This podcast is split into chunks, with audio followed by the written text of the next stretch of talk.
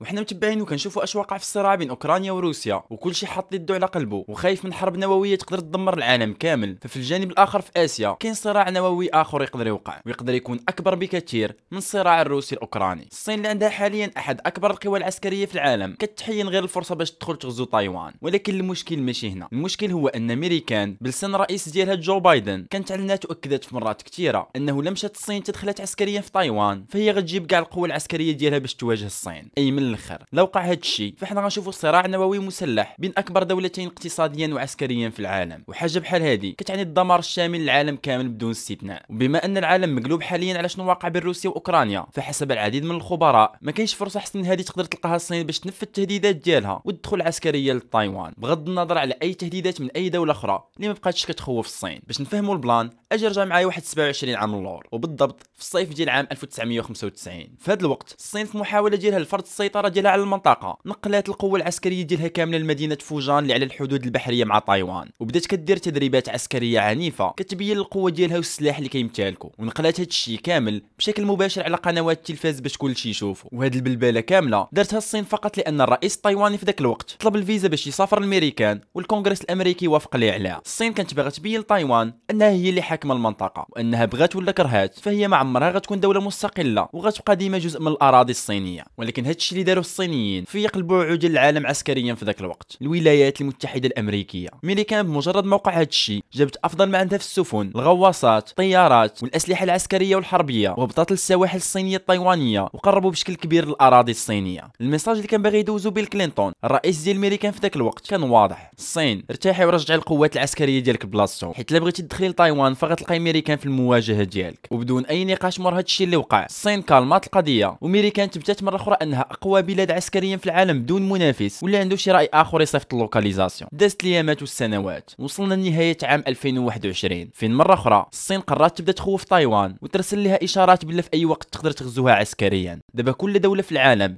عندها واحد المنطقة تسمى ال ADIZ. الاختصار ديال Air Defense Identification Zone وهي المجال الجوي اللي ما خاص تدخل ليه حتى طيارة من دولة أخرى من دون أخذ الإذن. وإلا دخلات وما خداتش الإذن فهاد الشيء كيكون بمثابة إعلان حرب على الدولة الآخرى. الصين ولات كتصيفط الطيارات ديالها بشكل مستمر. وكتخترق ال ADIZ ديال تايوان بلا ما تاخذ الاذن وما دارتهاش مرة ولا جوج ولا ثلاثة بل ولات كديرها عشرات المرات يوميا. ولا كنتي متبع معايا مزيان فأنت غتعرف شنو وقع من ورا هاد الشيء في مشهد مماثل لأش وقع في ال 95 ميريكان هبطت القوة العسكرية ديالها للسواحل الصينية باش تفكر الصين باش ترتاح مع راسها شي شوية. وباللي مرة أخرى لا فكرت تدخل تايوان فغتلقى امريكان في وجهها. غا هو الصين والقوة العسكرية ديال الصين في ال 95 ماشي هي القوة ديالها في 2022 الصين من وراها التهديد غير المباشر ديال الميريكان ما تكالماتش هاد المرة. بل زادت أكثر وأكثر العدد ديال الطيارات ديال اللي كيخترقوا ال ADIZ ديال تايوان بشكل يومي. أجي دابا نتخيلوا السيناريو الكامل اللي غيوقع. لا الصين قررت أنها تحول التهديدات ديالها لفعل وتضرب تايوان عسكريا. الهجوم ديال الصين غيبدا بطيارة صينية أخرى كالعادة اللي غتخترق ال ADIZ ديال تايوان بحال ديما. وهذا الشيء باش القوات التايوانيه يقولوا مع راسهم راه هذا تهديد بحال اللي كيديروا ديما وما يديوهاش فيه. ولكن هاد الطيارة ما غتخرجش من ال ADIZ بل غتوجه للأراضي التايوانيه وتبدأ تضرب المراكز الحساسة في البلاد. في نفس الوقت الصين غتبدأ ترسل عشرات الصواريخ من الأراضي ديالها.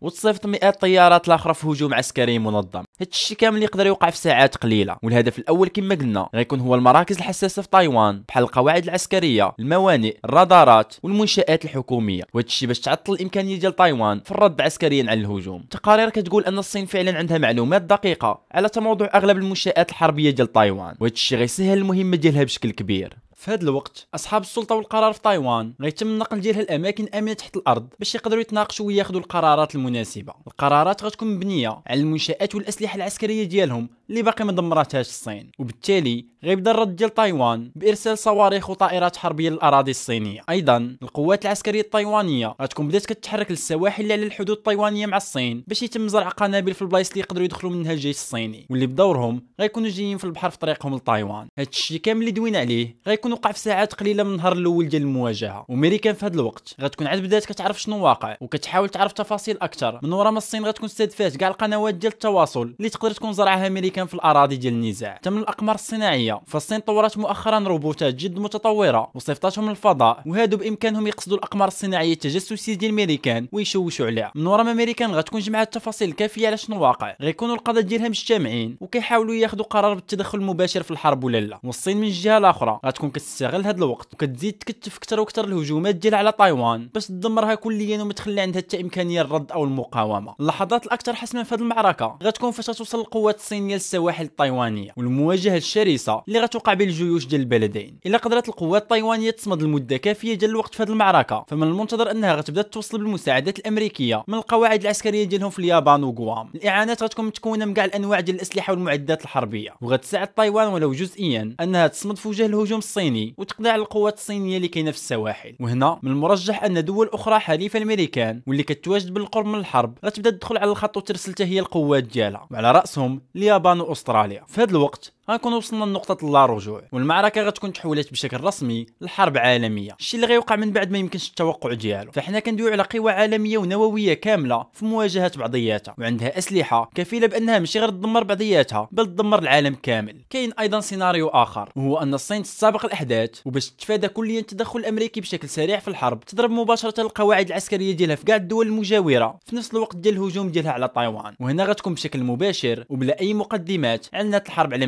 الأمريكان وحنا كنت تخيلوا هاد السيناريوهات. غيكون بدا كيبان لكم على الصين منذ عشرات السنين. ما بغاش تهجم على تايوان بشكل مباشر عسكريا. لأنه في حال أي من هاد السيناريوهات وقع فعلا على أرض الواقع فكل شيء غيخرج خاسر. وتقدر تقلب الحرب النووية تدمر الكوكب كامل. هاد الشيء علاش؟ ففي الغالب حتى واحد من هاد السيناريوهات ما غيوقع. والصين غتستمر في نفس النهج ديالها بأنها تخوف تايوان وتزيد تضغط عليها اقتصاديا وعسكريا باش تخليهم يضطروا يجلسوا معها على طاولة المفاوضات بدون أي هجوم مباشر على الأراضي ديالهم. ولكن ما نساوش أيضا بأنه نفس هاد الشيء هو اللي كنا كنقولوا على روسيا مع أوكرانيا. ودابا ولات كتبان الإمكانية ديال حرب مدمرة تماك أقرب من أي وقت مضى. كل شيء اذا كيبقى غير فرضيات وسيناريوهات ممكنة. والوقت هو الوحيد اللي قادر يعطينا جواب أكيد على شنو غيوقع في العالم في هذه الفترة الجاية. أيضا المؤسف في هذا الشيء هو أن الأحداث اللي كيوقعوا في الفترة الأخيرة بينوا لنا أن كاع المجهودات اللي دارها العالم باش يمنع حرب عالمية ثالثة من أنها توقع. من خلال بناء مؤسسات وهيئات دولية باش نرجعوا ليها في حالة النزاع بانت بأنها غير فعالة. وأن أي تصرف متهور من أي جهة يقدر يضرب هذا الشيء كامل في ويقود العالم الحرب. غتكون النتيجة الحتمية ديالها هي الدمار الشامل ديال كاع الدول. وفي الأخير ما تنساش تعطينا الرأي ديالك في هذا الشيء واش كتشوف أنه فعلا كاين الإمكانية ديال ندير حرب نووية؟ كل شيء غيخرج منها خاسر. هذا ما كان.